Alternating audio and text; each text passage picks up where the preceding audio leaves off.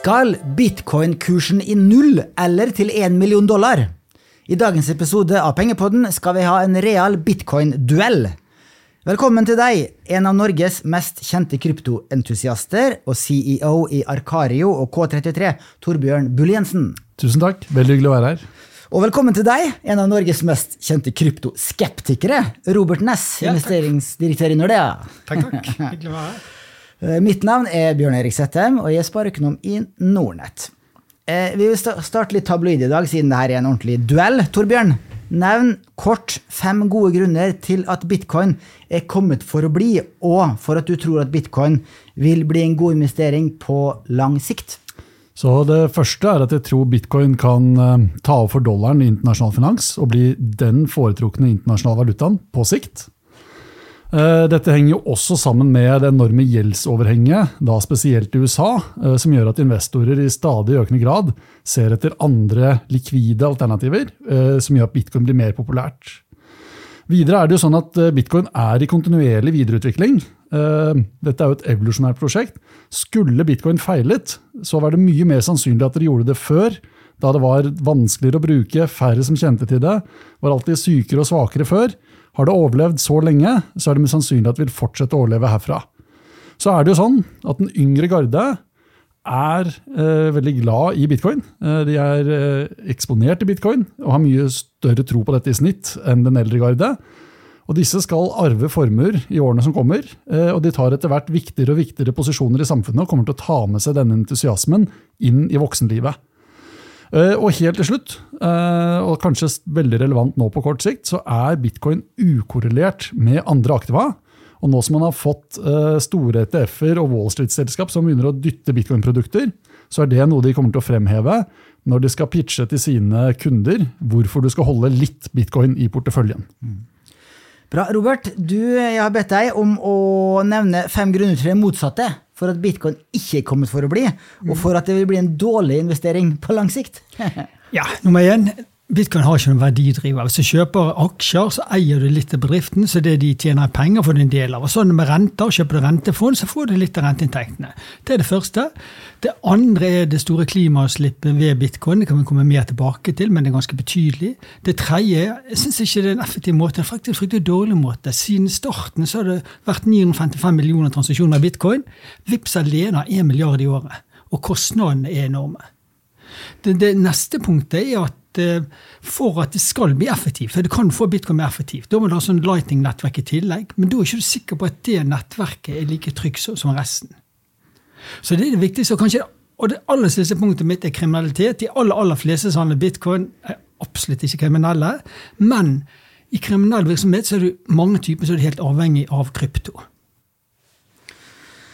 Sant. Og da, I fortsettelsen nå så skal vi gå inn på hvert enkelt punkt eh, og diskutere det, så vi blir litt klokere eh, på det her. For eh, dere to eh, er jo eh, ganske eh,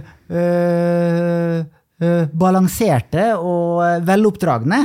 For jeg syns at noen av disse kryptodiskusjonene er veldig spisse, og man går i hver sin skyttergrav. Men eh, dere har jo virkelig satt dere inn i det og kan debattere som voksne folk. Får Så prøve, i hvert fall. skal vi prøve å se om det ikke blir fysisk eh, håndgemeng her i dag. Og ditt første punkt, eh, Torbjørn, eh, at bitcoin kan på sikt eh, erstatte dollar som foretrukket valuta internasjonalt. Det er en vågal påstand at bitcoin kan bli den nye verdensvalutaen. For, for, forklar. Absolutt. Eh, Jeg tror det er viktig å forstå en helt unik egenskap med bitcoin, eh, som var det første verden fikk med bitcoin. Og Det var et digitalt verdiobjekt med iboende verdi. Før bitcoin så var alle digitale verdiobjekter en fordring på en motpart. Alle penger du har i banken, er en fordring på en motpart. Det vanskelige med fordringsbaserte penger er når du skal krysse landegrenser og jurisdiksjoner. Dollar er en fordring på USA, eh, som betyr at USA egentlig kontrollerer om den fordringen vil bli innfridd eller ikke. Vi har hatt en periode der USA har vært verdens soleklare hegemon, men også hvor USA har latt eh, de fleste land i verden bruke dollaren relativt fritt. De senere årene har man brukt kontrollen over pengene som et uh, geopolitisk virkemiddel. Man krysset en viktig linje da man uh, frøs alle reservene til Russland. Det kunne man gjøre fordi det var fordringer på da EU-land og på USA. Det betyr at nå sitter hele verden og stiller seg spørsmålet Vent nå litt. Hvis det er vi i fremtiden som kommer til å ha en politikk som ikke resonnerer med USA, hva hindrer da USA fra å slette pengene våre med et pennestrøk?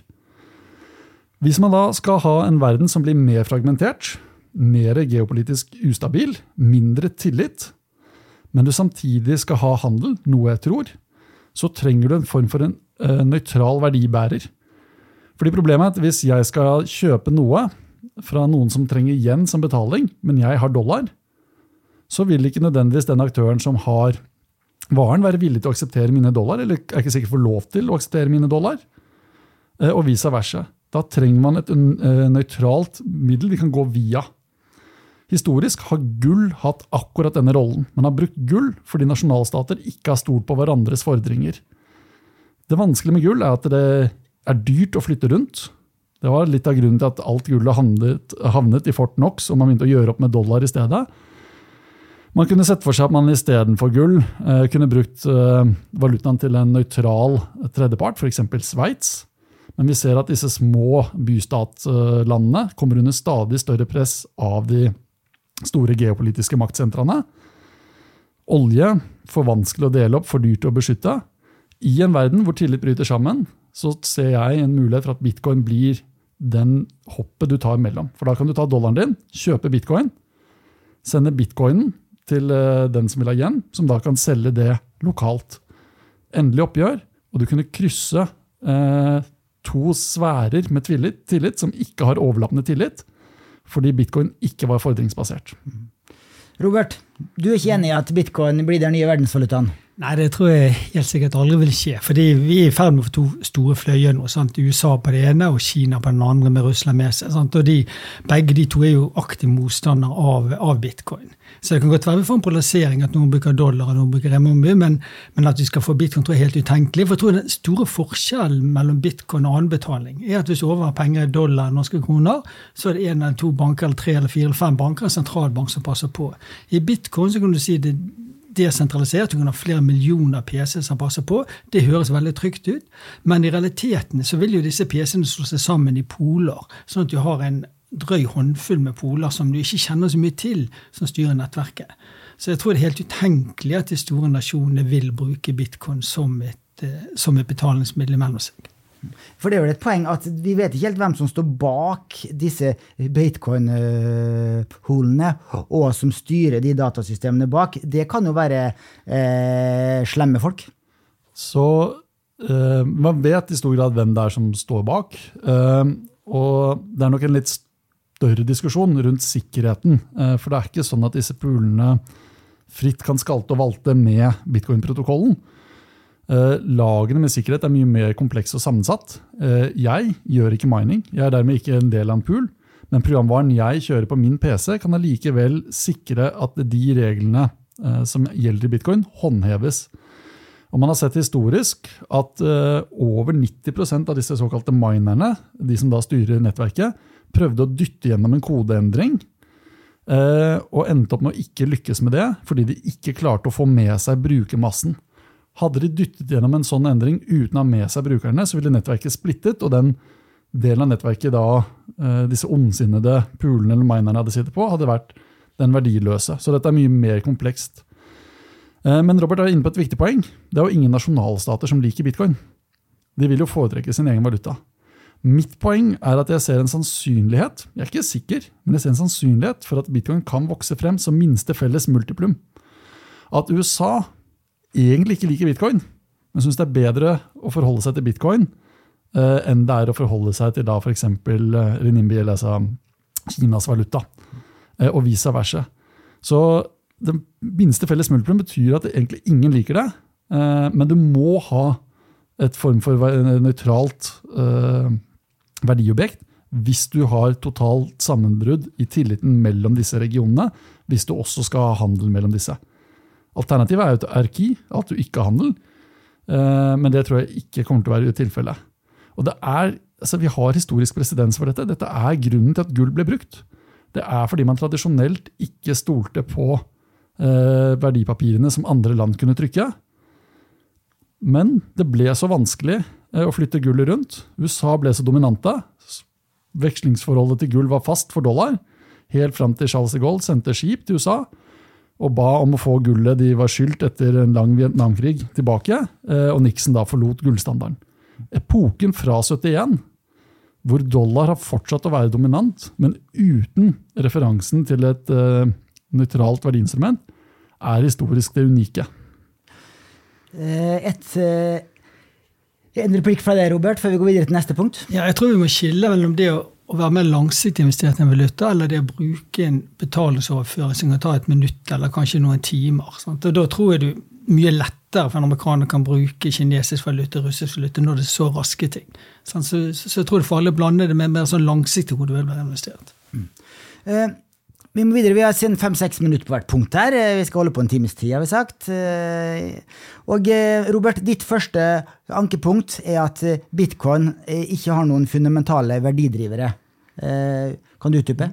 Ja, det er det at Hvis du kjøper en aksje, så eier du en del av virksomheten. og Det vi har sett opp gjennom de siste 100 årene, flere hundre årene, er at bedrifter de oppnår en viss lønnsomhet. De har hatt en merikasse typisk på 5 overvarisk over rente, og den får du da som aksjonær. For den er din andel. Og hvis du investerer i et rentefond, kjøper renter, så får jo du en avtalt rente. Kjøper du en eiendom, så får du eiendomsgilde der. Hvis du kjøper bitcoin, så er det ingen sånn utbyttegilde å få der. Så den verdistigningen du får, er at eh, noen velger å sette høyere verdi på bitcoin etter hvert, men altså ingen løpende inntjening. Det er også mitt viktigste ankepunkt mot bitcoin. det at Det har ikke noen fundamentale verdier. Det gir ingen eh, kontantstrøm for deg som eier. Hva sier du til den eh, påstanden, Torbjørn? Så det er jo helt riktig at det ikke er noen kontantstrøm fra å holde bitcoin. Eh, Men bitcoin har noen fundamentale egenskaper eh, man som økonomisk aktør, eh, bedrift eller individ kan ønske. Dette er f.eks. sensurresistens, at du kan eh, gjennomføre transaksjoner uten å enkelt kunne bli blokkert. Det er muligheten til å kunne holde midlene selv, eh, uten å f.eks. være eksponert til motspartsrisiko. Eh, At midlene kan programmeres fritt, og at du kan innovere rundt bruken av disse putter inn i såkalte smartkontrakter. Denne typen egenskaper, i tillegg til at det da er delbart, identifiserbart og billig å oppbevare, er egenskaper som gjør at ulike objekter historisk har vokst fram som penger. Og Særlig hvis man da leser faglitteraturen på search theory og money, altså man tar spillteori og søketeori, så kan man se hvordan man både i simuleringer og i modeller og historiske eksempler kan se hvordan varer som har disse fundamentale egenskapene, kan vokse fram som egnede byttemidler og verdilagre eh, som en spillteoretisk likevekt. I en sånn likevekt så har Robert helt rett. Da er det ikke noe grunnlag for at eh, bitcoin skal presiere, eller i, fall, i beste fall kanskje skal følge den økonomiske veksten, men ikke noe mer enn det. Men vi er ikke i den full modningsfasen. Det er jo åpenbart, Bitcoin er jo ikke verdens valuta enda. Så vi er nå i en oppdagelsesfase. Vi er i en akselerasjonsfase der det har vært en rekke friksjoner som har holdt aktører unna bitcoin, og hvor en del av de friksjonene sakte, men sikkert forsvinner. Jeg tror vi fortsatt er på en akselererende del av den adopsjonskurven. Det momentet som er bygd fra at dette var en idé på en e-postliste, til at nå verdens største kapitalforvalter har dyttet gjennom produkter for dette i USA. Det er et moment som jeg tror kommer til å fortsette, og det er der mye av verdistigningen ligger. Og der har Robert helt rett. Det er fordi jeg tror det kommer til å komme flere inn som kommer til å investere mer. Men øh, øh, det er jo utvilsomt vanskelig å verdsette øh, bitcoin. Er verdien noen og 40 000 dollar som i dag, eller eh, 60, eller jeg hørte på, på Katie Wood, hun i ARK Innovation på CNBC her forleden, og hun sa at deres base case, altså normalscenario, er at i 2030 står bitcoin i 600 000 dollar, altså mer enn en, mer enn en tidobling. Eh, eh, Deres optimistiske scenario var 1,5 millioner dollar. Det høres jo helt sykt ut. Og da hadde de, de, de da lagt ut den beregningsmetoden på eh, nettsiden sin, og da, det gikk vel hovedsakelig på tilbud og etterspørsel, og at det var flere og flere som ville inkludere bitcoin i en investeringsportefølje. Men det er jo litt sånn å stikke fingeren i lufta og tenke på tall, er ikke det? Det, altså, det er interessant med bitcoin det er jo det som minerne får, altså det du får for å verifisere bitcoin. Men I dag så får de en halv million kroner i året. Den prisen er delvis honorar, men også mesteparten er proporsjonalt med bitcoin-kursen. Så hvis bitcoin-kursen i dag hadde vært ti ganger så høy som i dag, altså rundt 400 000 dollar, så ville de fått fem millioner dollar for dagen. Så, og de pengene ville, er fritt frem for alle å plukke opp. Sånn og hvis du kan plukke opp 5 millioner dollar i dagen, så vil du være med på den leken, og da må du kjøpe mer PC-er, og nå må du bruke mer strøm. Så det vil jo si at eh, hvis, eh, hvis f.eks. bitcoin-prisen i dag var ti ganger så høy i dag, så ville strømforbruket ved å kjøre bitcoin vært eh, like mye som hele India bruker. Altså det er verdens største land. Sånn, det, det, er egentlig helt utenkelig å se for seg. Så, så, så enkelt regnestykke kan egentlig avkrefte at du på kort tid kan få så høye priser. Det er vanskelig å verdsette bitcoin, Torbjørn? Det er veldig vanskelig, eh, men det er også veldig enkelt modellmessig. og Den feilen veldig mange gjør, er at man nærmer seg dette primært fra et flytperspektiv. Eh, tenker seg at man skal ha en eller annen variant av å nettopp verdsette en cashflow, eh, eller man blir for opphengt i flyten. Jeg tror dette er mye enklere å håndtere med scenarioanalyse og fra et stokkmodelleringsperspektiv. altså beholdninger. Eh, det er jo til hver tid sånn at noen må eie alle bitcoin, eller de må være tapt. Og da er egentlig Det enkle spørsmålet å stille seg det er hvor mange kommer til å ønske å allokere i snitt hvor mye av porteføljen sin til bitcoin. Vi vet at det ikke kan eksistere mer enn 21 millioner bitcoin. Vi vet at nesten alle av disse er i omløp. Vi vet at rundt 5 millioner av de er antakeligvis tapt for alltid. Og da kan vi ta den ønskede eh, porteføljeallokeringen gjøre forskjellige hypoteser om det. Blir det like stort som gull? Vil det utgjøre 4% av porteføljer i snitt? Hva sier eh, de forskjellige eh, klientbasene i spørreundersøkelser osv.? Og så kan du ta den totalverdien og dele på antall bitcoin. Eh, og da får du faktisk tall. Og dette er jo umulig å gjøre og få sikkerhet, men det gir deg ganske gode verktøy for å kunne gjøre simuleringer. Og det er en gang sånn at det er tre ganger så mange dollarmillionærer i verden som det er bitcoin. Det betyr at de maksimalt kan eie en tredjedel hver. Og det er akkurat den FOMO-dynamikken som nå spiller seg ut, eh, når dette nå er på vei inn eh, som en liten allokering, men i stadig større porteføljer. Eh, noe vi kanskje stusser over at vi ikke snakker om andre kryptovalutaer. Det skal vi gjøre litt mot slutten, men det er jo slik at eh, verdien av bitcoin, hvis du ser på totalt antall eh, kryptovalutaer, om det er 7000 eller hva det er, så er vel den over 50% nå. sånn at den er veldig veldig dominerende, og derfor så bruker vi mesteparten av den tiden i dag på å snakke om bitcoin.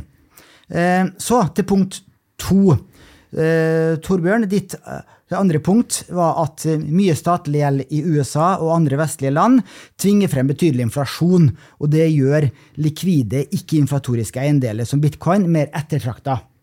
Kan du utdype?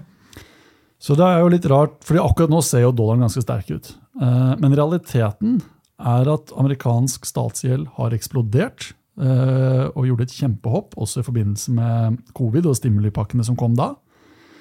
Eh, og I tillegg så har nå rentenivået kommet opp.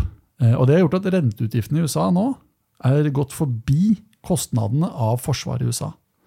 Og Selv om rentekurven fremover skulle flate ut, så vil effekten av at USA må rulle eh, tidligere finansiert gjeld, altså gjeld de har finansiert på nærmere null rente, må nå refinansieres med 4-5% rente, gjøre at rentekostnadene i USA raskt kommer til å bevege seg opp mot å bli den største statlige kostnadsposten.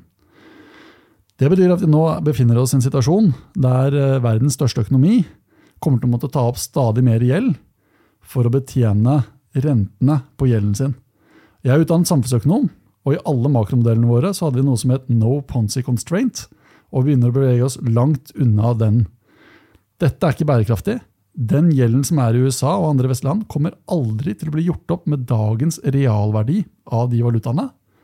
Og det betyr at man enten eh, får la gjelden forfalle. Det er helt utelukket vil jeg si, for USA som kan trykke sine egne penger. Alternativet er i stedet å la inflasjonen slippe opp. Det betyr ikke at det blir hyperinflasjon som i Zimbabwe, men type 10-12 eh, i perioder. Eh, for å så kunne spise vekk realverdien.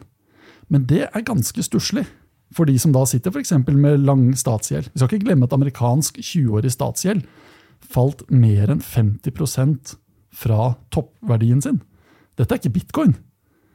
Eh, så vi står overfor noen veldig store endringer eh, som treffer spesielt de likvide delene av porteføljer til en rekke forvaltere der ute. Eh, og appetitten for å finne noe som er både likvid, altså omsettelig 24-7, og du kan enkelt komme deg inn og ut av, og som har en betydelig oppside og kan gjøre det sterkt i et potensielt høyreinflatorisk klima, er stadig økende. Og mange ser da bit, eh, til bitcoin som en del av en sånn eh, si, inflasjonssikret porteføljekomponent. Robert, det er jo mye gjeld i verden. Eh, USA har rekordhøy gjeldsnivå. Stater har en lei tendens til å inflateres ut av gjeldsproblemer. Er det ikke riktig det Torbjørn sier her? Det gjør de, men samtidig, hvis de har sin egen digitale valuta, så vil de, det, så vil de fortsette å gjøre det. Så, så jeg ser egentlig ikke det, det argumentet at det vil hjelpe. Sånn, ironisk nok så har det vært en enorm inflasjon i bitcoin så langt, sånn, fordi det er kommet veldig mye mynter. Fremover så vil jo ikke det bli det, så det skal trykkes eh, færre. Men, men jeg tror hvis jeg har laget et system hvor man har brukt en digital valuta, tror jeg absolutt eh, landet hadde funnet en fin måte å ekspandere på og holde på på samme måte som gjør i dag. Så jeg tror ikke det vil forandre noe. Men Du snakker nå om digitale sentralbankpenger, og ikke bitcoin spesielt? Nei, men altså, Det vil jo være egentlig det samme med altså For det første så kan ikke, går, går ikke det an å bruke bitcoin. Sant? Sånn som det er laget, så kan ikke du bruke det til å erstatte penger og transaksjoner. Sant? Det er ikke det kapasitet til. Og Det kommer vi tilbake til senere. Sant? Så Du kan ikke bruke det på samme måte. Du kunne kanskje brukt det som et anker og så et pengesystem knyttet til det. Men jeg tror jeg absolutt landet hadde greid å finne en fin måte på å kunne ekspandere videre. Hva tenker du om det Robert sier? Eh, jeg tenker at eh, ja, myndigheter kommer til å fortsette å drive aktiv pengepolitikk og finne måter å ekspandere pengebasen. Og jeg tror også banksystem, selv om man skulle sett for seg til at det ble en bitcoin-standard, altså tilsvarende en gullstandard, så kommer bankvesenet gjennom sin kredittdannelse til å utvide og kontrahere den pengemengden over tid. Men jeg tror det viktige spørsmålet fra et investeringsperspektiv det er Du sitter der som investor. Du har noen milliarder eh, i amerikansk statsgjeld. Eh, du har noen milliarder du skal allokere. Kjøper du enda mer amerikansk statsgjeld? Eller tar du noen av de milliardene og kjøper da bitcoin, f.eks. gjennom BlackRock sin? Eh, ETF? eh, og det vi ser som er realiteten, er at stadig flere ser nei, vi ønsker å kjøpe noe mer bitcoin. Vi ønsker å kjøpe noe mer gull. For det er ikke veldig attraktivt å holde statsgjeld med en fast kupong hvis inflasjonen forvitrer realverdien eh, av, det, av, den kontantstrømmen. Mm. Robert, ditt andre eh, punkt er at bitcoin har et betydelig klimatrykk. Ja, bakgrunnen til det er at Når du verifiserer bitcoin-transaksjoner, så må du gjøre en sånn beregning. beregning. Sånn, de kaller det for ut fra en hash rate. Så hvis jeg tenker tilbake til annen verdenskrig og Alan Turing som løste en kode, så var han genial, for han greide å løse den. I bitcoin-verdenen så hvert sekund så gjør de den beregningen 500 millioner T-ganger, altså oppe i tiende niende, hvis det stort tallet egentlig ufattelig tenker på. Det vil si at den datamengden du bruker der, den er egentlig ufattelig stor, og det gir strømforbruk. Du vet ikke nøyaktig hva strømforbruket er, men du vet at hvis alle brukte den beste maskinen i hele verden, så ville strømforbruket tilsvare 80 TWh. Hvis du brukte mer den som var state of the art for noen år siden, så er det 200 TWh. Tar du gjennomsnittet av det, så er det på rundt 140 TWh. Nå er det mye snakk om tall, men forbrukerne i Norge bruker rundt 70 TWh. Norge som helhet bruker over 100, men forbrukerne i Norge bruker rundt 70 til strøm. Så altså det å verifisere bitcoin-kjeden koster det dobbelte strømforbruket av det forbrukerne i Norge bruker samlet sett. Og det er noe som eh, Ethereum sa ok, vi trenger ikke gjøre det på den måten mer. De endrer programkoden sin, og så var det vekke. Så det er jo Derfor mener jeg ekstremt mye, fordi det er helt unødvendig. Eh, hva sier du? Er bitcoin en klimaversting? Eh, det er på ingen måte en klimaversting. Det er det veldig mye annen industri som er. Eh, og det er jo veldig sjarmerende når man også sammenligner med Norge, som er altså vi er fem millioner innbyggere.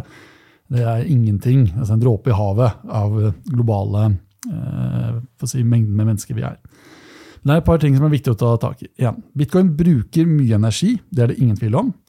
Men det er ikke nødvendigvis det samme som klimaavtrykk. Klimaavtrykk er basert på hvor mye man slipper ut av CO2 eller andre eh, miljøforurensende gasser. Og man ser faktisk at eh, bitcoin har en rolle å spille for å være eh, klimafremmende. I Texas nå så har du uh, store mining-datasentre som er med på å stabilisere nettet. Texas har, har bygd ut masse vindkraft som er ustabil, og det er også periodevis veldig ustabil etterspørsel. Ved å ha mining-datasentre som kan skrus av på kort varsel, så kan man frigjøre kapasitet når det er sprengt etterspørsel i nettet. Men da kan man også uh, få økonomiske insentiver som gjør at det er mulig å ha en større totalkapasitet i utgangspunktet. Så bitcoin mining er med på å stabilisere og kan da gjøre det lønnsomt med mer fornybart uten behov for statlige subsidier. I tillegg så er bitcoin mining ekstremt konkurranseutsatt og kan kun klare seg hvis du får tak i den aller billigste kraften, og gjerne hvis du kan til og med utnytte restvarmen. Termodynamikkens lover gjør at enhver kilowatt som går inn for å mine bitcoin, går ut som varme. Eh, og dette er det en rekke prosjekter som allerede utnytter. Vi har prosjekter her i Norge som varmer opp drivhus til dette. Vi har norske fjernvarmeanlegg som går direkte på strøm. Hadde vært mye mer effektivt hvis de også gikk på datasenter restvarme. Det er flaskehalser i kraftnettet, eh, og bitcoin mining flytter til den siden av flaskehalsen hvor det er for mye som eh, produseres og for lite som etterspørres. Det så vi da strømprisene steg i Sør-Norge.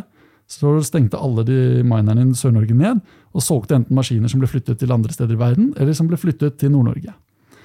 Man har naturgass som et biprodukt i en rekke rurale oljefelt, bl.a. i Canada, eh, som til en viss grad enten brennes eller tidvis ventileres, avhengig av lokal regulering. Med bitcoin mining så har du faktisk nå økonomiske økonomisk muskler til å kunne gjøre mer rensing, brenne det så du istedenfor å slippe ut metan, slipper ut CO2 og får ned avtrykket. Equinor har hatt prosjekter med partnere på dette. Alle de store oljeselskapene har partnere på dette.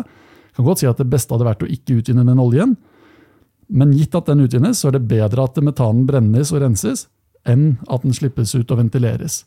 Så dette er mye mer sammensatt, mye mer nyansert. Eh, og til slutt, det ble tidligere nevnt at vi skulle bruke like mye strøm som hele India. Eh, og denne type dommedagsprosjeksjoner har man sett lenge. Eh, det var i 2013 eller 2015 New York Times framskrev at innen et eller annet år så kom bitcoin til å bruke mer strøm enn hele kloden. De samme framskrivningene gjorde man med hestemøkk i New York. De kommer til å komme metersvis opp på skyskraperne. Og selvfølgelig så er økonomien sånn at med en gang man, lenge før man kommer dit, så gjør insentiver at det ikke er lønnsomt å fortsette å ekspandere, eller man blir tvunget til å finne Eh, billigere energikilder, altså energikilder som har lav alternativ-anvendelse. Du skal ikke være så bekymra, Robert? Jo, det er egentlig bekymra fordi at uh, verifiseringen det er den som gir insentiv til det sløse. Per i dag så er det en halv milliard kroner for dagen. sånn så Mye av det går til strøm, men veldig mye av det nå for tiden går til å kjøpe PC-ene. For de PC-ene du bruker i dag, det er ikke sånn som den der hjemme skal 4000. De koster minst 100 000 kroner. Så, så, deler av det vi snakker om sløsing, ja, strøm er betydelig, og det er også PC-er. Og, og selvfølgelig, det, det er mye annet som forurenser. Sant? Vi har kraftkrevende industri i Norge som forurenser masse. Men, men, men, klart når jeg sier at bitcoin sløser mye, så er det først og fremst fordi at jeg ikke tror det tilfører noe. Men også viktig så fordi at du kunne gjort en softwareendring, og så vips så bruker du nullstrøm. sånn som Ethereum gjorde. Og Hvorfor gjør ikke bitcoin den softwareendringa, Torbjørn? Det er fordi den softwareendringen kommer med veldig viktige risikofaktorer, som også er veldig uavklarte. En viktig del av sikkerhetsmekanismen i bitcoin er maktfordelingen Eh, der brukere er en helt separat gruppe fra de som sikrer og validerer blokkjeden, altså de såkalte minerne, som igjen er en annen gruppe enn de som tilbyr veksling, eh, og i stor grad en annen gruppe enn utviklerne. Når bitcoin gikk over til proof of stake, så er det sånn at de som holder mye bitcoin, er de som, nei, sorry, Ethereum, er de som validerer. Det vil si at Coinbase og en aktør som heter Lido, og et par andre, er blitt de som validerer. Ethereum-tilhengere sier ja, men se, pulsene i bitcoin de er også ganske sentraliserte. Det de, mm, den nyansen de mangler, er at de, ja, de kan være ganske sentraliserte, men det er helt andre aktører som kan legge seg i andre jurisdiksjoner i verden. Nå har du plutselig amerikanske finansforetak som sitter på brorparten av kundenes midler, og er de som er ansvarlig for å validere og oppdatere blokkjeden. Og Det betyr at eh, du plutselig har begynt å se at enkelte av disse eh, har begynt på nettverksnivå eh, eh, og sensurere basert på sanksjonslister. Så er det tveget sverd om man mener det er bra eller ikke. Men det som er helt klart er at hvis du begynner å sensurere på nettverksnivå, ikke på tjenesteleverandørnivå, men på liksom selve nettverket, så forfaller hele ideen om at dette skal være et globalt, åpen standard som kan både brukes av Kina og USA. Ethereum har ikke kommet helt dit enda, eh, men det har også ikke vært så lenge eh, med den utviklingen. Begge deler kan kanskje klare seg fint side ved side, eh, men bitcoin, som søker å bli et digitalt gull, et digitalt penge, ser på det som altfor risikabelt å ta en sånn type uprøvd kodeendring for en symbolpolitisk seier på klimafronten. Og det er litt viktig å legge merke til her, det at hvis man tar de som er veldig hissige på energiforbruket, og da hevder at klima er fanesaken deres i møte med bitcoin, hvor er disse når det er snakk om eh, rødt kjøtt? Hvor er disse når det er snakk om andre forurensende kilder som både ødelegger kropper og klode? Når man får så mye fokus på klima knyttet til bitcoin, eh, så ser jeg på det som mer en form for et angrep, der der reelt dette brukes mye strøm, men mer som et sånn angrep motivert for at man kunne finne noe å ta det for, enn et reelt problem, eller, og hvis klima var det man brant mest for. Vi må videre. Eh, Torbjørn, ditt tredje punkt er at bitcoin er i kontinuerlig videreutvikling, og momentet er større enn noen gang tidligere. Eh, utdyp. Ja, så, altså jeg og Robert kan jo diskutere hvilke egenskaper ved bitcoin vi liker og ikke liker, og hva vi tror eh, andre personer vil like og velge å kjøpe inn i, og hvor, hvor, lenge de vil holde, eller hvor kortsiktige de er. Om er liksom, de handler nå fordi det er en boble og de tror at noen skal inn snart, og så går det over eller ikke. Uh, og der kan vi liksom aldri få et svar med to streker. Uh, men det som i hvert fall er veldig fascinerende for meg, og det som gjør meg mest sånn sikker på at dette er kommet for å bli, det er den utviklingsbanen bitcoin har hatt. Altså, dette var en åttesiders idé på en e-postliste for nerder. Og de fleste var veldig kritiske til den ideen. Det var ikke veldig mange som hørte om den. Men når det da har vokst fram mot alle odds, krasjet et boble etter boble, Eh, altså Elendige programvarer for å veksle inn og ut av dette. her. Volatiliteten har historisk vært høyere. altså Alt har vært verre før. Og Likevel fortsetter dette å komme seg videre.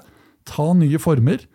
Den opprinnelige fienden i Wall Street er nå plutselig blitt en av fanebærerne, som viser at bitcoin på samme måte som internett er veldig plastisk, veldig evolusjonært.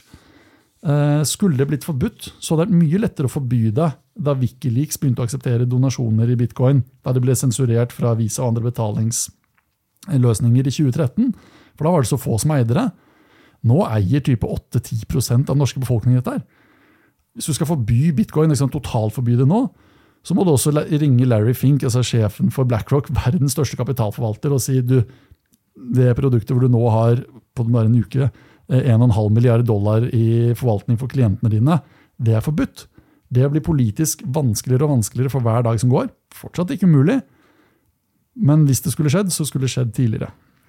Robert, du eh, har vært skeptiker lenge, og du har jo tatt feil så langt. Folk som har hørt på deg, har jo gått glipp av masse gevinster i bitcoin-verdistigning. Ja, altså, det, det, det, er egentlig faktisk ikke helt korrekt. fordi Første gang vi var ute, det var i 2021. og sto bitcoin rundt 50 000-60 000 dollar. Da var jeg klart negativ. Og så har jeg vært klart negativ hele tiden. Sant? Og da var jeg helt ned i, ned i 15 000 dollar. Sant? Så, nede i 3000 nå, var det vel? 3000 begynner å bli lenge siden. da. Ja, ok, det var, det ja, var så lenge siden. Ja, så det var, det var det 22 det var på, på, på bunnen. Ja, sånn, ned, ned, i 15. Mm. Så, så klart, jeg har jo mer langsiktig. Sant? Jeg, jeg, tror jo at dette ikke har noen verdidriver, så jeg tror det skal i null på sikt.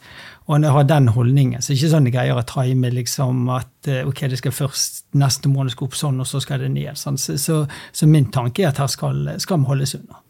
Så det kan hende at uh, Hate Wood får rett, at det går i 600 000 dollar, men det skal ned til null til slutt. Uh, altså, du gjøre, hvis du bare gjør en enkel modell, tar volatiliteten i bitcoin og sier at ok, om fem år eller ti år eller 20 år skal det i null, så kan du få enorme høye verdier på vei opp før det går i null. Mm. Så det at du tror det skal i null med den volatiliteten du har, så kan det gå veldig mye den andre veien før det ender der.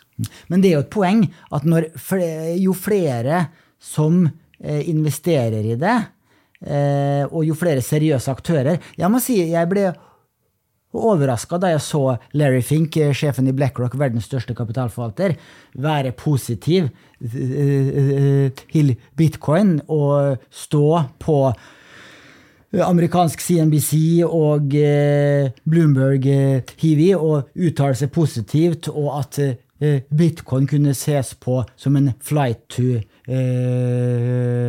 quality, og at de har jo på et vis satt sitt kvalitetsstempel, sitt godkjenningsstempel, på bitcoin når de tilbyr et, eh, en bitcoin-ETF for sine kunder, eller er de bare kyniske og tenker at vi, vi skal bare være mellommann og tjene penger åkke som, selv om kundene våre taper? Ja, altså De er jo profesjonelle selskap, de skal tjene penger. Jeg tolker det som at de ser at her er en inntjeningsmuligheten. Så når jeg så til CS, så ødelegger mye for Nordea. Sant? Kanskje de kunne tjent litt penger på å få folk inn der. Sant? Og kanskje til og med kunne, kunne tjent noen penger flere år før de tapte det.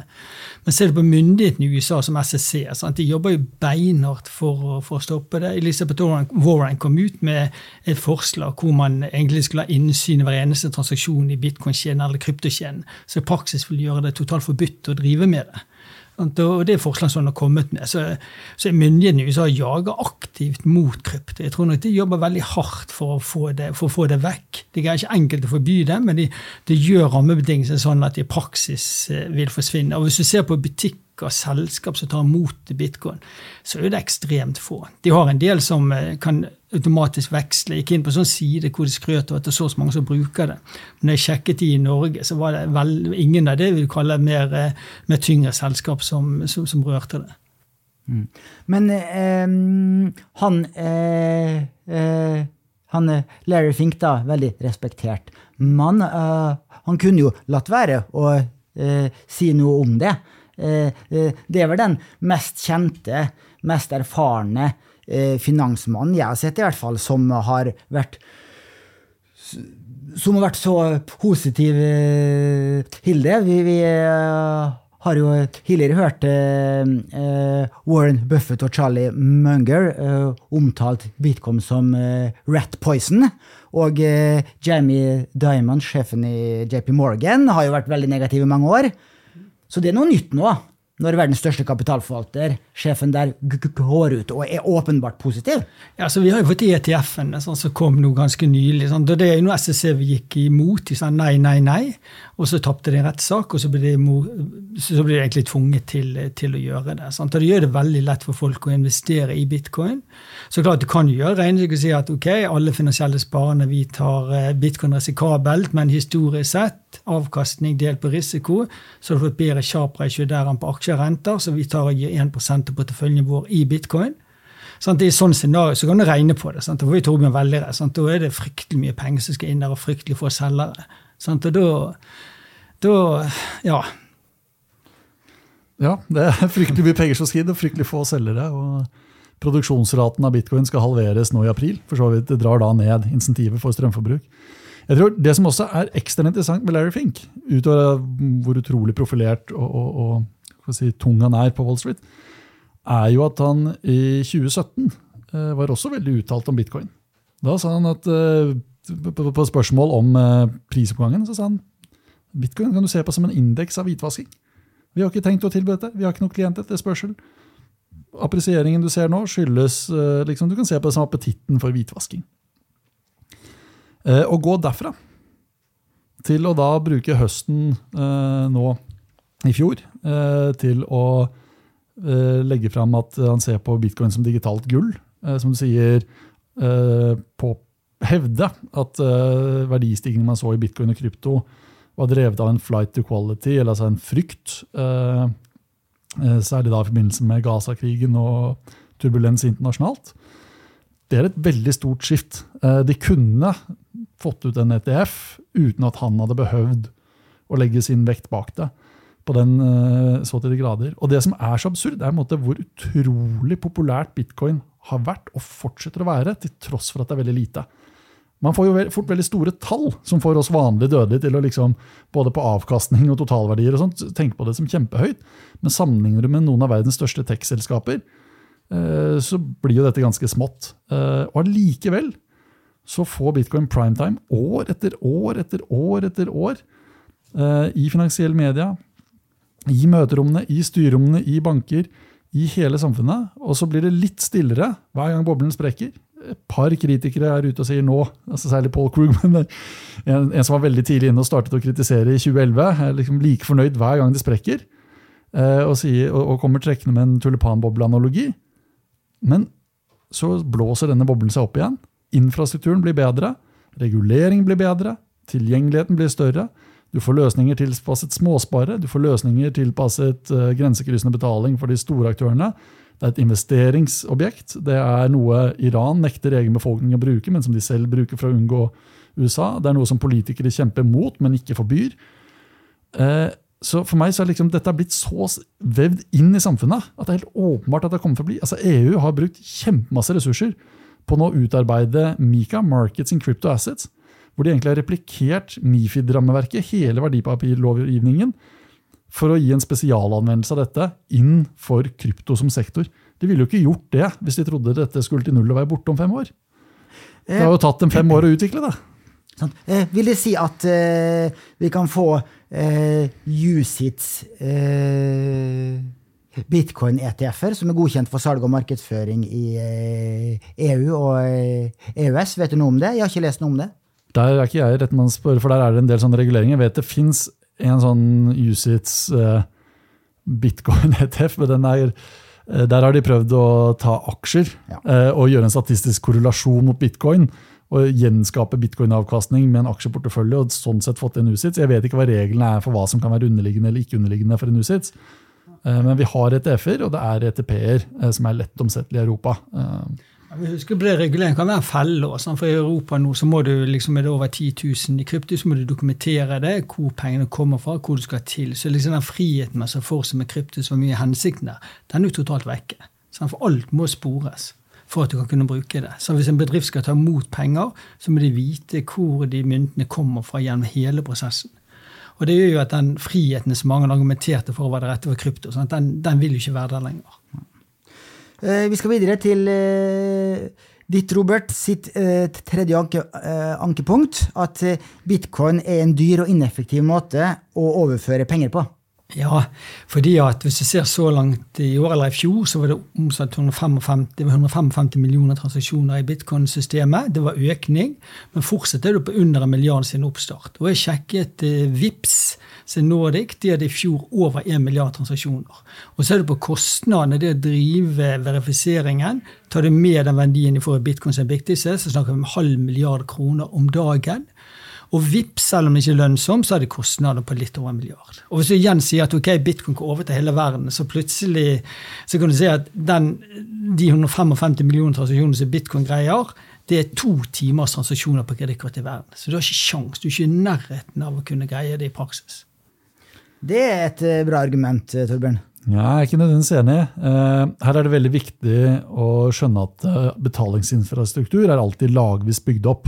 Eh, selvfølgelig er det veldig høye transaksjonstall høyt oppe i lagene. På visakort og på VIPS osv.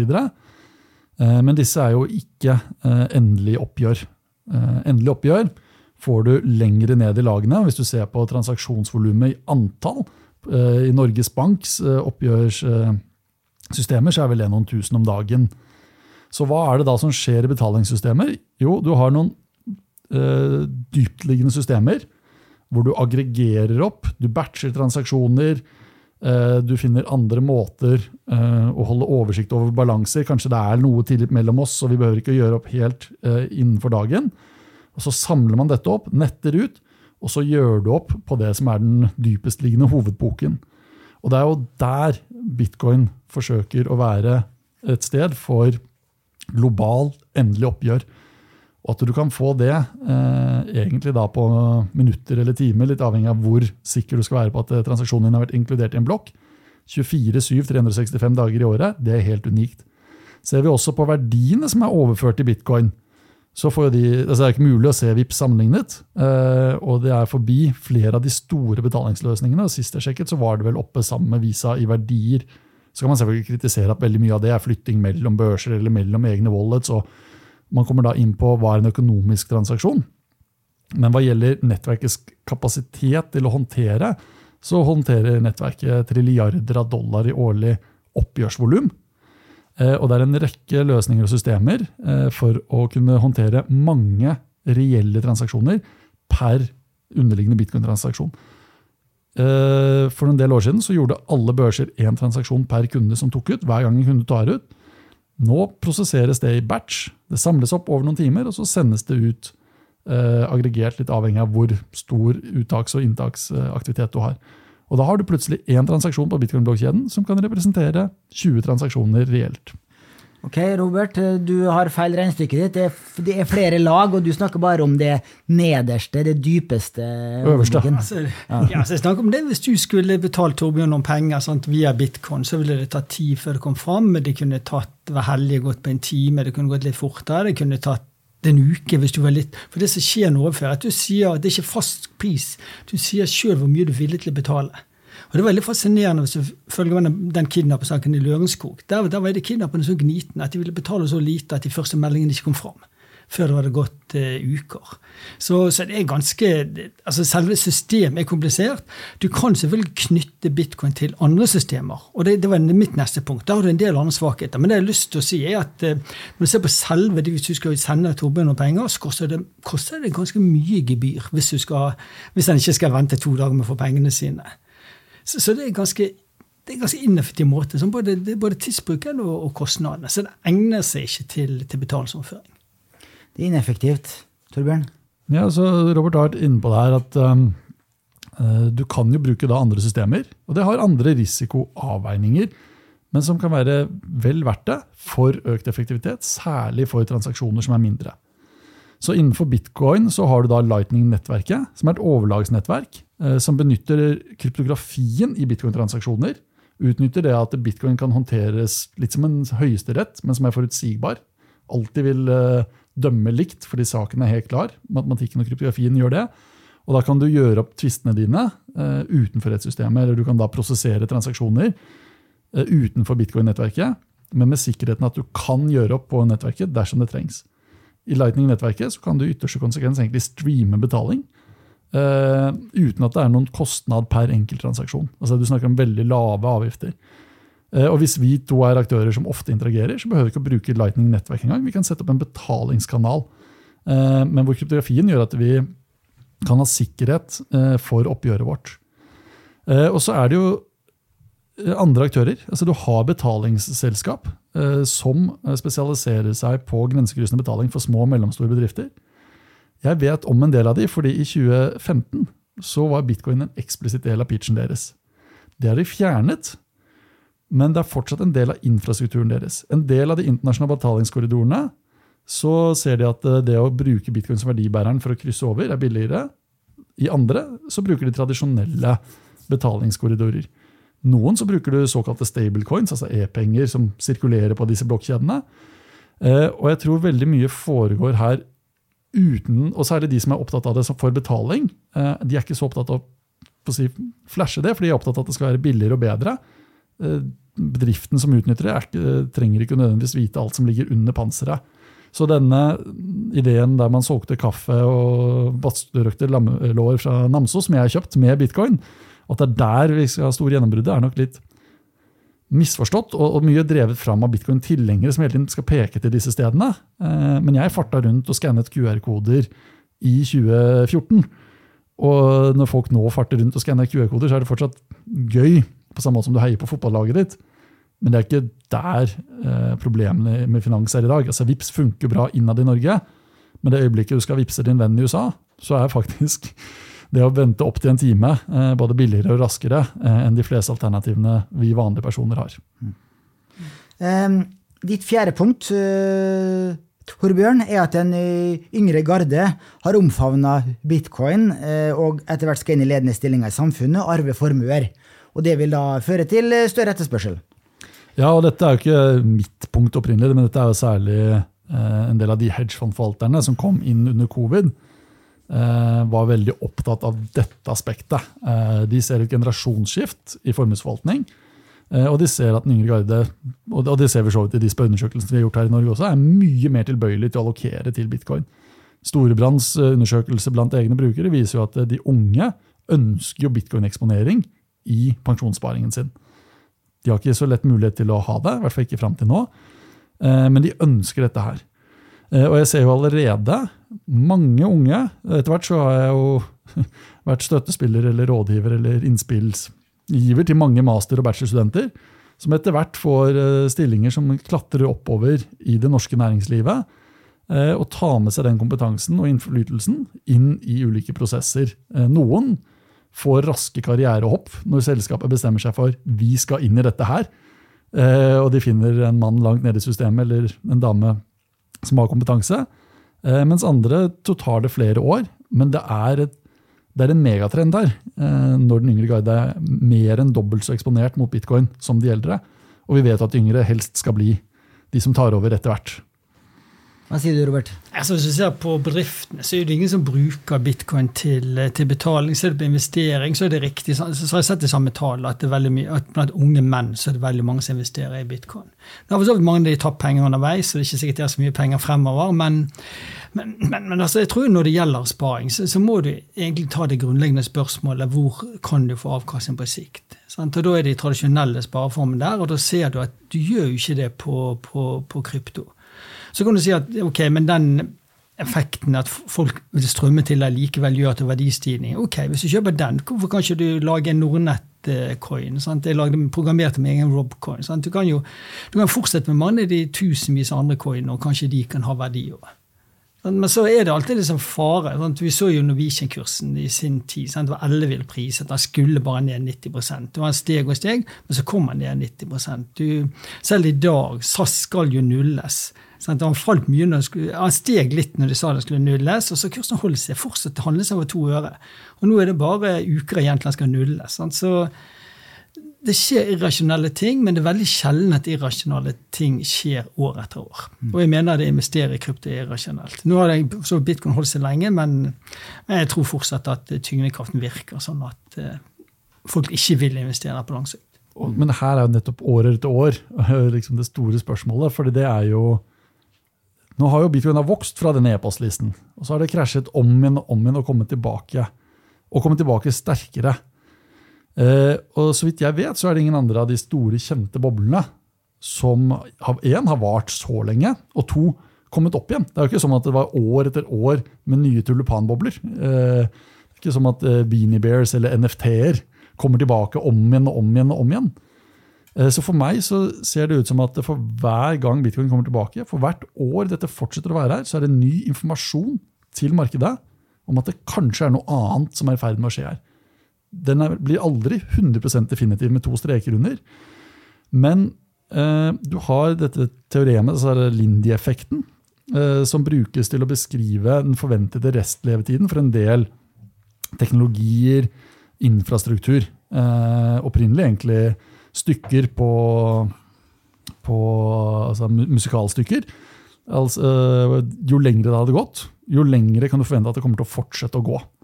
Uh, Lindy-effekten fanger opp denne X-faktoren, at det er et eller annet ved dette her som er vanskelig å sette fingeren presis på, uh, men som gjør at det har en overlevelsesevne. og Jo lengre det har vært med oss, jo lenger kan vi forvente at det kommer til å være her. Strøm, for eksempel, Vi har akkurat den samme strømmen i veggen som da det først ble bygget ut. Så kan godt hende at andre standarder hadde vært bedre, men det ser ut som vi fortsetter å ha dette her. Eh, og Bitcoin har da begynt å vært der ganske lenge. Eh, gikk live i 2009. Så det begynner å bli noen år. Så spørsmålet er liksom hvor mange år? Eh, tenker du at det skal fortsette å styrke seg før hypotesen om at det skal til null om fem år, blir stadig svakere? da? Det er jo overraskende robust, det skal jeg si. Jeg husker 2021, de var de store heltene da, sånn CS, Sandbank Bankman-Free og hedgefondene som alle de som var så flinke til å gruble på hvordan kan tjene så mye penger. Sant? De sto seg til fengsel alle sammen nå. Ting har kollapset. Myndighetene i USA prøver å bekjempe det. Og allikevel så har jo kursen kommet opp og touchet nesten 50 000 dollar for eh, noen uker siden. Så det, det er fascinerende. det er det. Så det Bitcoin har blitt beskrevet som en sånn kloakkrotte. Eh, eller kakerlakk. Ja, eh, og, og, jeg vil bare, akkurat det at heltene har falt, eh, for jeg har holdt på med dette en del år. Eh, og de fleste av de liksom, både heltene og de man hauset da jeg kom inn, de er det ingen som aner hvem er lenger. Men på tidspunktet var de ekstremt relevante. Altså, man snakker om utviklere som, hadde, som fikk nøkkelen fra Satoshi eh, til å styre eh, det kodedepotet eh, for liksom, referanseklienten. Eh, og en periode av det enerett der. Eh, altså, Én etter én har de fleste falt eller sluttet å være til stede.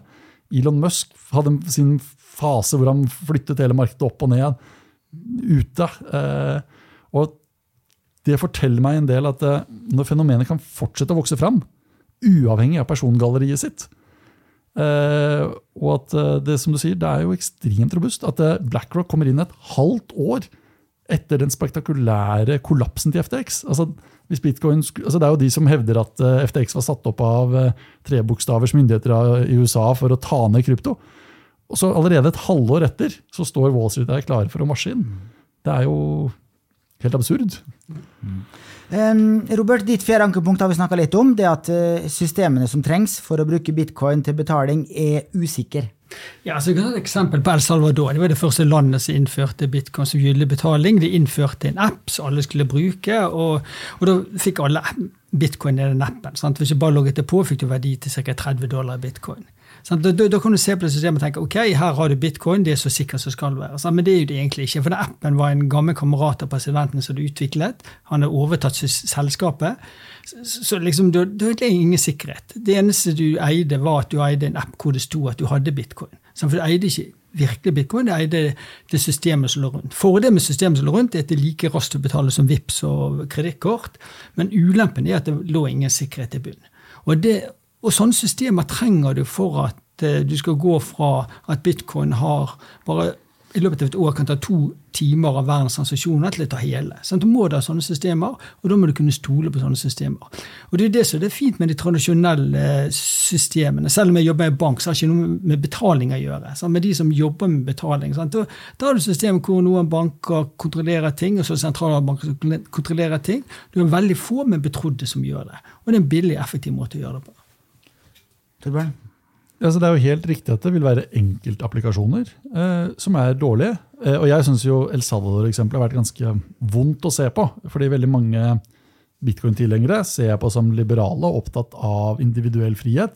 Og så plutselig tok de en ganske totalitær stat eh, og løftet opp som sin fanebærer og en totalitær president som plutselig ble deres helt, uten at de egentlig satte seg inn i hvilken reelle politikk han kjørte.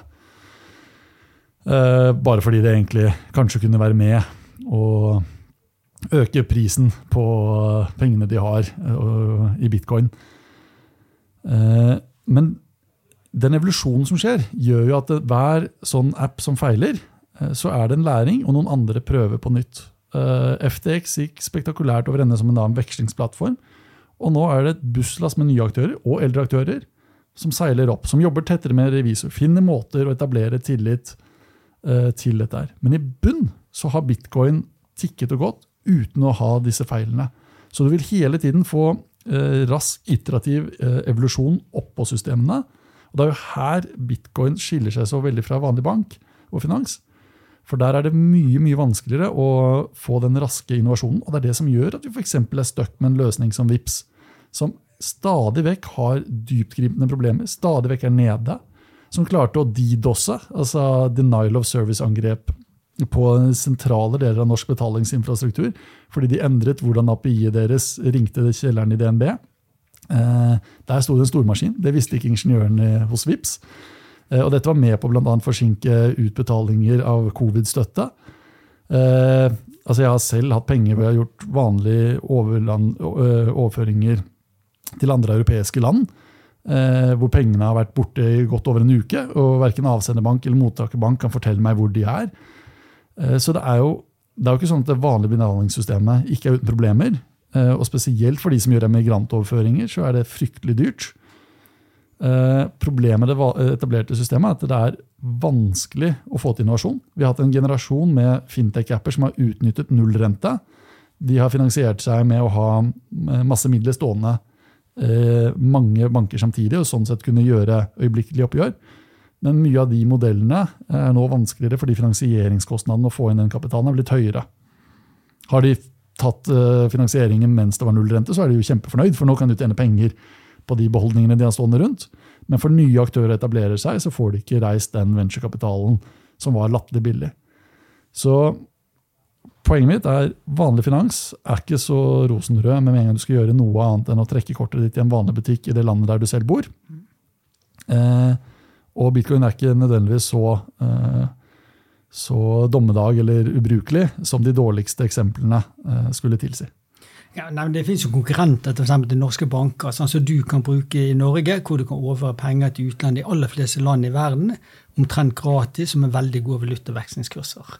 Så, så, så, det finnes jo allerede. Sant? Og noen banker i Norge kan gi det gode avtaler, sånn at det ikke blir så dyrt og kan være ganske heftig. Så systemene er der. De er neppe perfekte, men det er stort sett gode, gode systemer. Men det gikk jo endelig oppgjør, og det er der det er så viktig. fordi vi vanlige personer har nesten et metalt bilde at hvis jeg veksler til dollar, så blir kronen min som en fysisk objekt til en dollar eh, i det bytteforholdet. Men det er jo ikke det som skjer. Eh, det som skjer er at Jeg har en fordring på en norsk bank og når, hvis jeg skal ha en dollarfordring, så må det være en kjede som til slutt ender opp med en fordring på en amerikansk bank. Skal jeg flytte disse pengene til USA, så kan jeg ikke sende kronen min direkte. Og det er ikke sånn at Jeg kan putte den inn i en transformator, og så blir det dollar, og så kan den sendes direkte.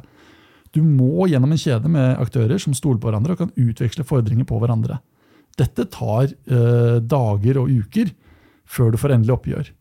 Men fordi det er så etablert tillit mellom mange av disse aktørene, så er aktørene villige til å kreditere ulike kontoer, sånn at det dukker opp på min balanse raskere.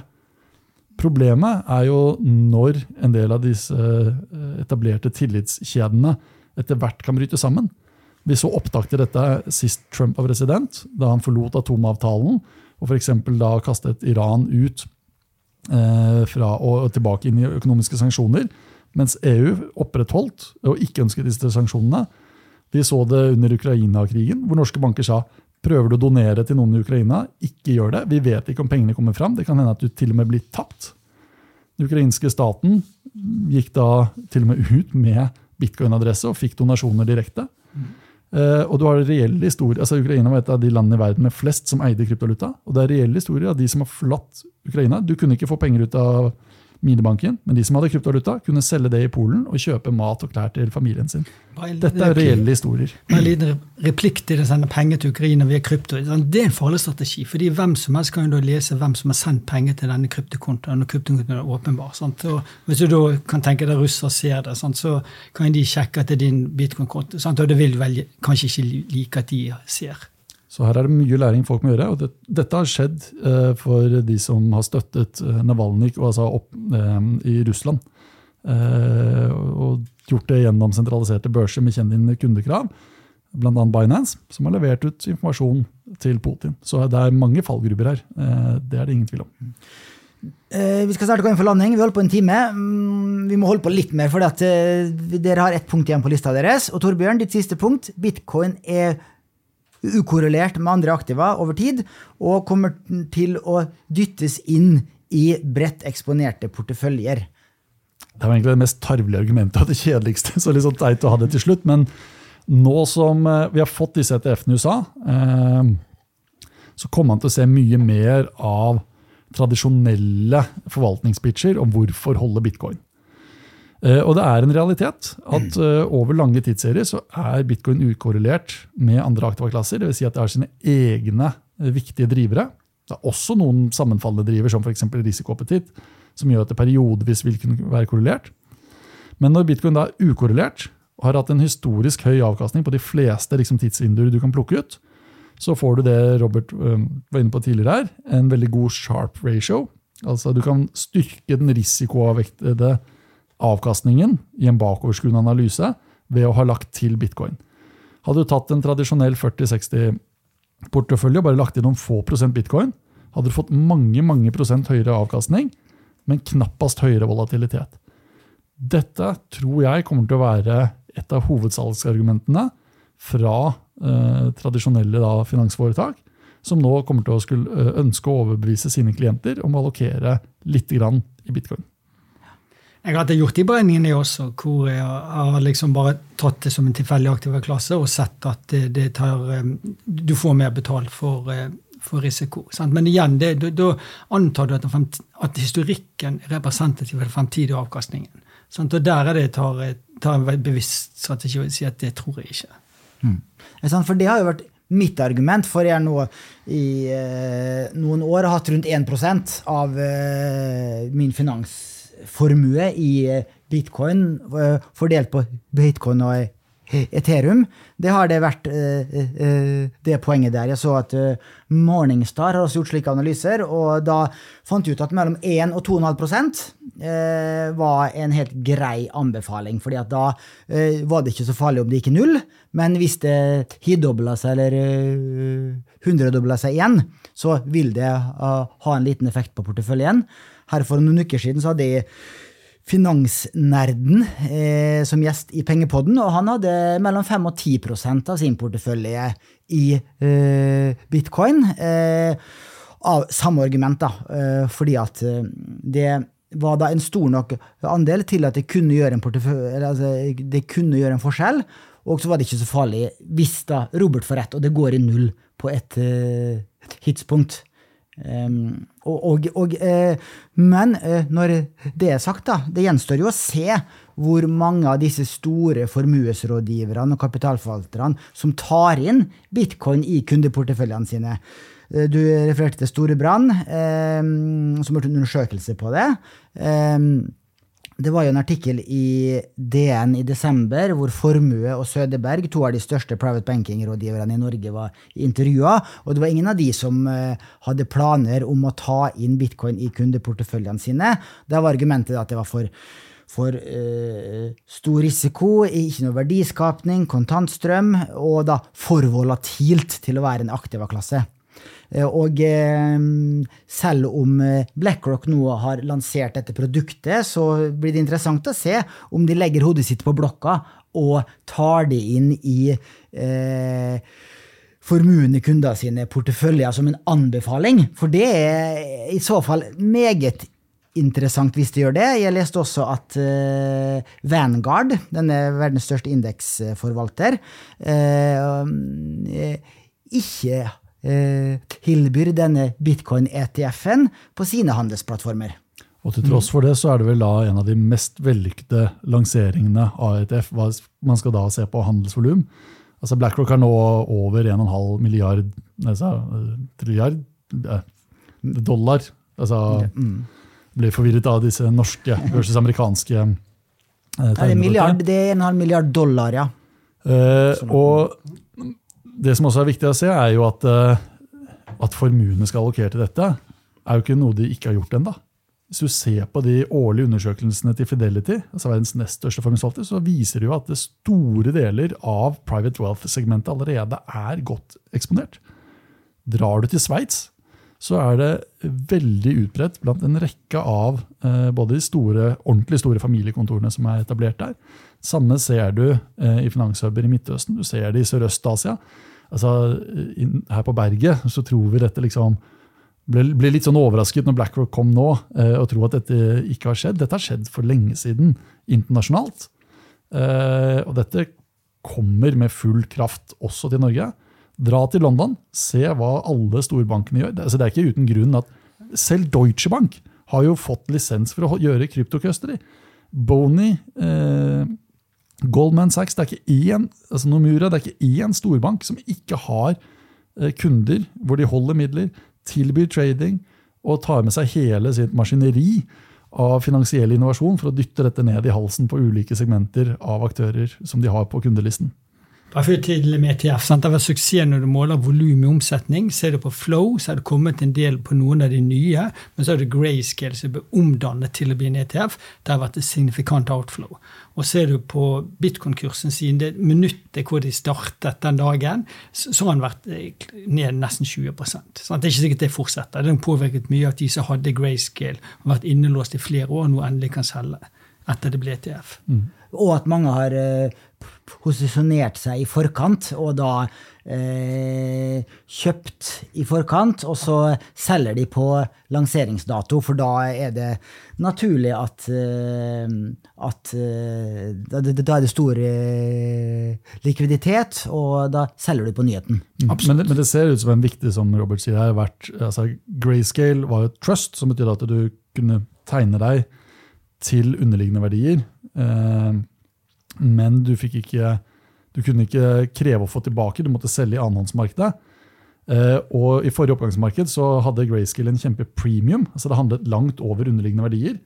som gjorde at det, fra Digital Currency Group, ga, gjennom et annet datterselskap, så ga de lån til aktører som da tegnet seg i Grayscale-fondet eh, med sikkerhet i aksjene i Grayscale-fondet, eh, sånn at du kunne utnytte denne arbitrasjen.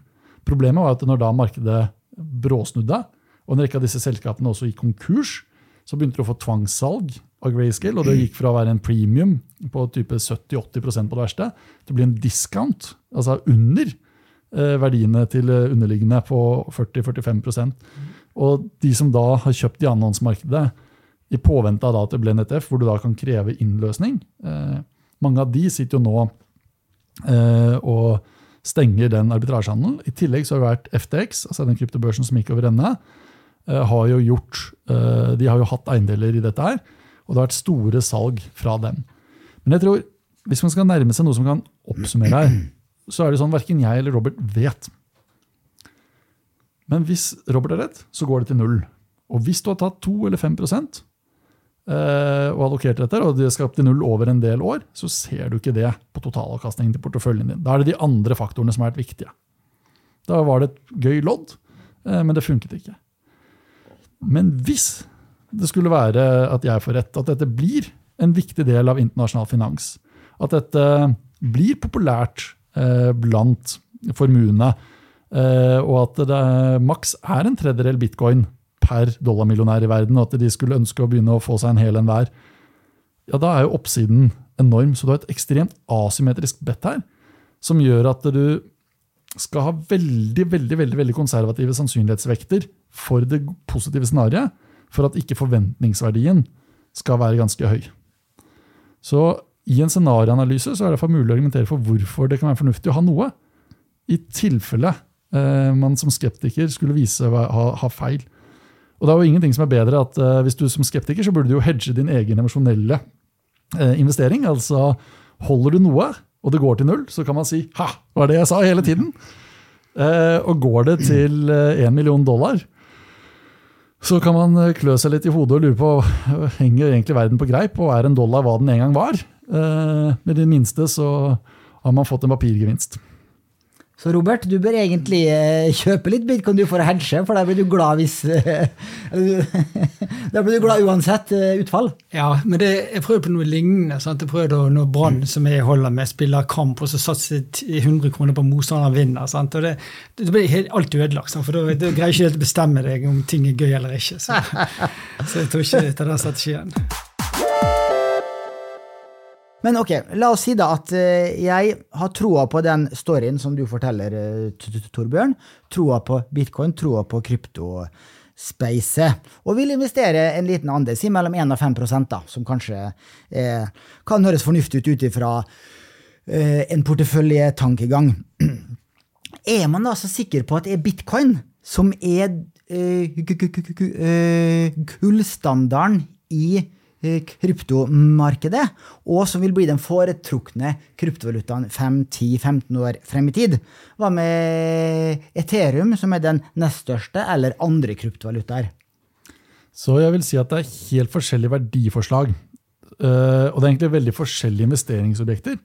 Og det er litt sånn forvirrende, fordi pga. infrastrukturen så blir dette sauset sammen, og pga. mediene og narrativene så blir dette sauset sammen.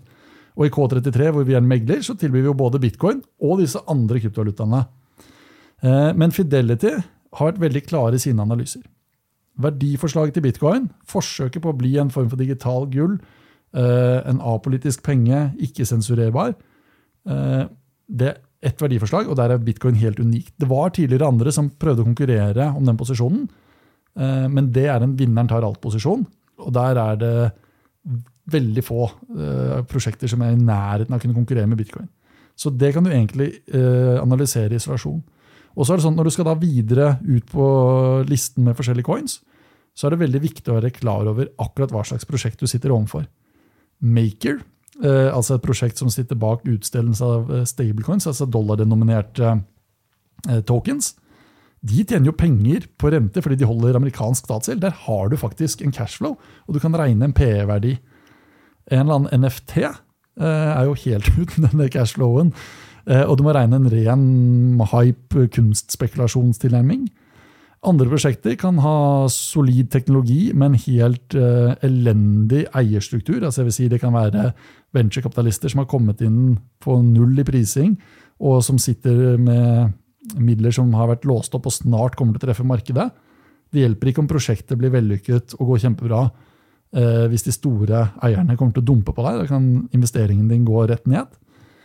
Eh, og Ethereum er også veldig interessant. For jeg tror Ethereum som plattform eh, kan bli veldig viktig, og det er allerede den viktigste i kryptosektoren.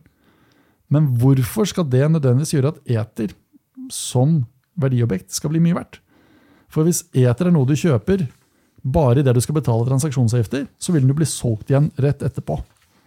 Så det er kun hvis folk vil holde eter som en investering, som er egentlig pitchen til bitcoin, at du egentlig kan få den appresieringen men det går imot grunnnarrativet om at eter skal være en form for en olje i det systemet.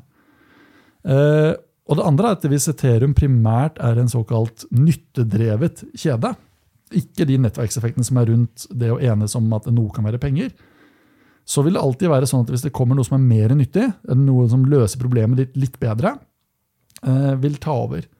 Og Utfordringen der er at eh, for blokkjeder så ser jeg egentlig tre verdiforslag. Det ene er desentralisert, helt eget eierskap, og der er bitcoin soleklart nummer én. Det andre er regulatorisk arbitrasje. Du kan gjøre ting du ikke får til eller får lov til på sentraliserte steder. Og det siste er interoperabilitet. Systemene snakker sammen. Interoperabilitet trenger ikke desentralisering. Regulatorisk arbitrasje trenger bare nok til at myndighetene ikke slår ned på det. Og Det gjør at Ethereum for eksempel, nå møter massivt konkurranse fra blokkjedeprosjekter som er mye mer sentraliserte, de kan dermed levere raskere transaksjoner billigere. Ehm, og hvis det er nytteverdien som driver det, så vil folk flokke dit. Eh, så Sorry, nå snakket jeg meg helt bort her. Den lange historien er det er mange spennende investeringsmuligheter. Det er en jungel å navigere. Det er mye svindel der ute. Det er ikke åpenbart at du skal ha en porteføljetilnærming, eh, fordi det er helt forskjellige verdiobjekter. Robert? Ja, nei, altså, så, så Torbjørn var inne på, så, så stable kan jo noe eget. Sant? Det kan jo ligne som elektronisk bankinnskudd. Utgangspunktet er det trygt, du kan til og med få litt rente, men klart der kan du ha utstedere som er så mye pålitelige som gjør at du kan tape hele summen. Så du må jo vite, vite hva du gjør. Ethereum er jo, har en spennende rolle i en desentralisert finans. Sant? Mange trodde det ville komme, men så, så har jo man sett at man ikke man ikke evner å lage helt trygge applikasjoner innenfor desentralisert finans. Så jeg tror det er en veldig enkel grunn til det. Jeg tror at Så lenge ting er desentralisert, så, så er du åpen med kildekoden. Du er åpen med diskusjonene hva er trygt, hva er ikke. Og de er da med onde innsikter. De onde hensikter de følger med på kildekoden, de følger med på diskusjonene, og da kan de angripe akkurat når det gjelder. Sånn som Nord-Korea, som har tjent milliarder av dollar på, på å hacke disse ulike. Sant? Og Der skiller jo bankene sitt system seg. Ikke fordi de er bedre men du får ikke se koden deres, og du får i hvert fall ikke vite hvilke problemer det er. Det holder de skjult. Og det gjør det faktisk mye tryggere. Så Derfor mener jeg at det er mye Og så er det masse andre tusenvis av mynter. Sant? Og de fleste er jo uten verdi. Ja, men du, du er jo en formuende mann, Robert. Det har det vært åpent på. Eh, hvis du ble tvunget til å investere 1 million kroner i kryptovaluta, hvilken, og du skal holde det i minst fem år, hvilken, hvordan vil porteføljen se ut? Siden jeg ikke tror på det og tror det vil gå null, så ville jeg gått på stablecoin, hvor du i utgangspunktet skal få igjen pengene dine. Og så ville jeg sett på de som, eh, som i best størst mulig grad dokumenterer at de har sikkerhet for pengene. Så. Vil uh, bitcoin være den porteføljen? Nei. Greit. Uh, har du en, en, avsluttende kommentar, Torbjørn? Det var en siste avsluttende kommentar. Strategien med å holde sårbarhetene innenfor på å si murene, som er banksystemet, kan fungere bra på kort sikt, men det gjør at du får et eh, frosset system. Eh, og det øyeblikket noen bryter gjennom muren, så er alle ildenvollene dine myke og lett tilgjengelig. Den herdingen som skjer i krypto, med at det herjes hele tiden, det er det som driver et evolusjonært press finans aldri har sett eller vært i nærheten av, som gjør at disse elendige, ikke-sikre applikasjonene plutselig kommer til å storme fram og få det etablerte til å se eh, veldig utdatert ut og veldig sårbare ut, på samme måte som Internett startet tregt og ubrukelig, og så plutselig føyk det forbi alt av TV og radio eh, og tradisjonelle medier. Um, veldig veldig kort. Ditt siste eh, ankepunkt Robert, det var at bitcoin kan fasilitere kriminalitet og kan eh, dermed risikere å bli regulert vekk. Ja, altså de aller, aller fleste som bruker bitcoin og krypto, er jo lovlydige og gjør det på en god og skikkelig måte. Men så har du jo at eh, bitcoin og krypto kan brukes til eh, kriminelle ting. Vi, vi, ser det til og med noen mente Hamas hadde det var en lang diskusjon om de hadde fått litt kryptofinansiering. Vi ser det i narkohandel mellom Kina og Mexico, hvor i fentanylhandel er brukt mye bitcoin. Og ikke minst på det mørke, mørke nettet så er det bare krypto som dominerer. Så det vil si at hadde vi bare hatt tradisjonelle betalingssystemer, så hadde det ikke vært mulig å gjøre mye av den kriminelle handelen. Og, og, dermed, så for å bekjempe kriminalitet, så vil det være rasjonelt for myndighetene å bekjempe kryptovaluta. Og det, Vi ser jo USA de jobber hardt for det, og jeg tror de kommer til å jobbe enda hardere. Jeg tror til slutt vil de lykkes. Bitcoin vil forbys en gang, eh, eh, Torbjørn. Det har ikke du tro på? Nei, det er for mange som er eksponert til at det vil være politisk gangbart. Uh, og myndigheter er sammensatt. Heldigvis er ikke alle myndigheter bare opptatt av maks kontroll over innbyggerne. Det er også myndigheter og politikere som uh, har liberale uh, verdisyn og mandater. Vi må jo huske at I europeisk kontekst så er jo f.eks. Tyskland et av de landene som dytter for personvern, personvernslovgivning. Så du vil ha motstridende myndighetsinteresser i hva slags lovgivning vi får rundt dette. her. Eh, kriminelle kan bruke kryptovaluta, og bruker det som alt annet. Eh, og vi er tjent med å finne balanseganger mellom å gi ressurser til etterforskningsmyndigheter, eh, innskrenke noen type aktiviteter og legge særlig da regulering på de sentraliserte aktørene, og dette skjer jo. Sant. Siste punkt er at vi i Nordnett får jo også mye spørsmål om man kan handle kryptoinstrumenter på plattformen vår, og svaret er at ja, det kan du.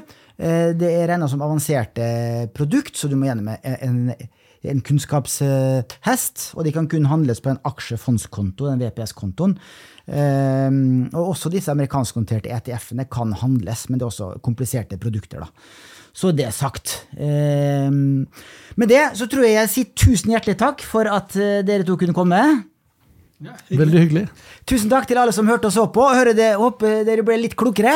Og om dere er i den ene eller andre leiren, det, det er helt i orden. Men eh, alltid viktig med kunnskap. Takk for i dag. Penger, penger, penger, penger, penger, penger, penger, penger, penger, penger.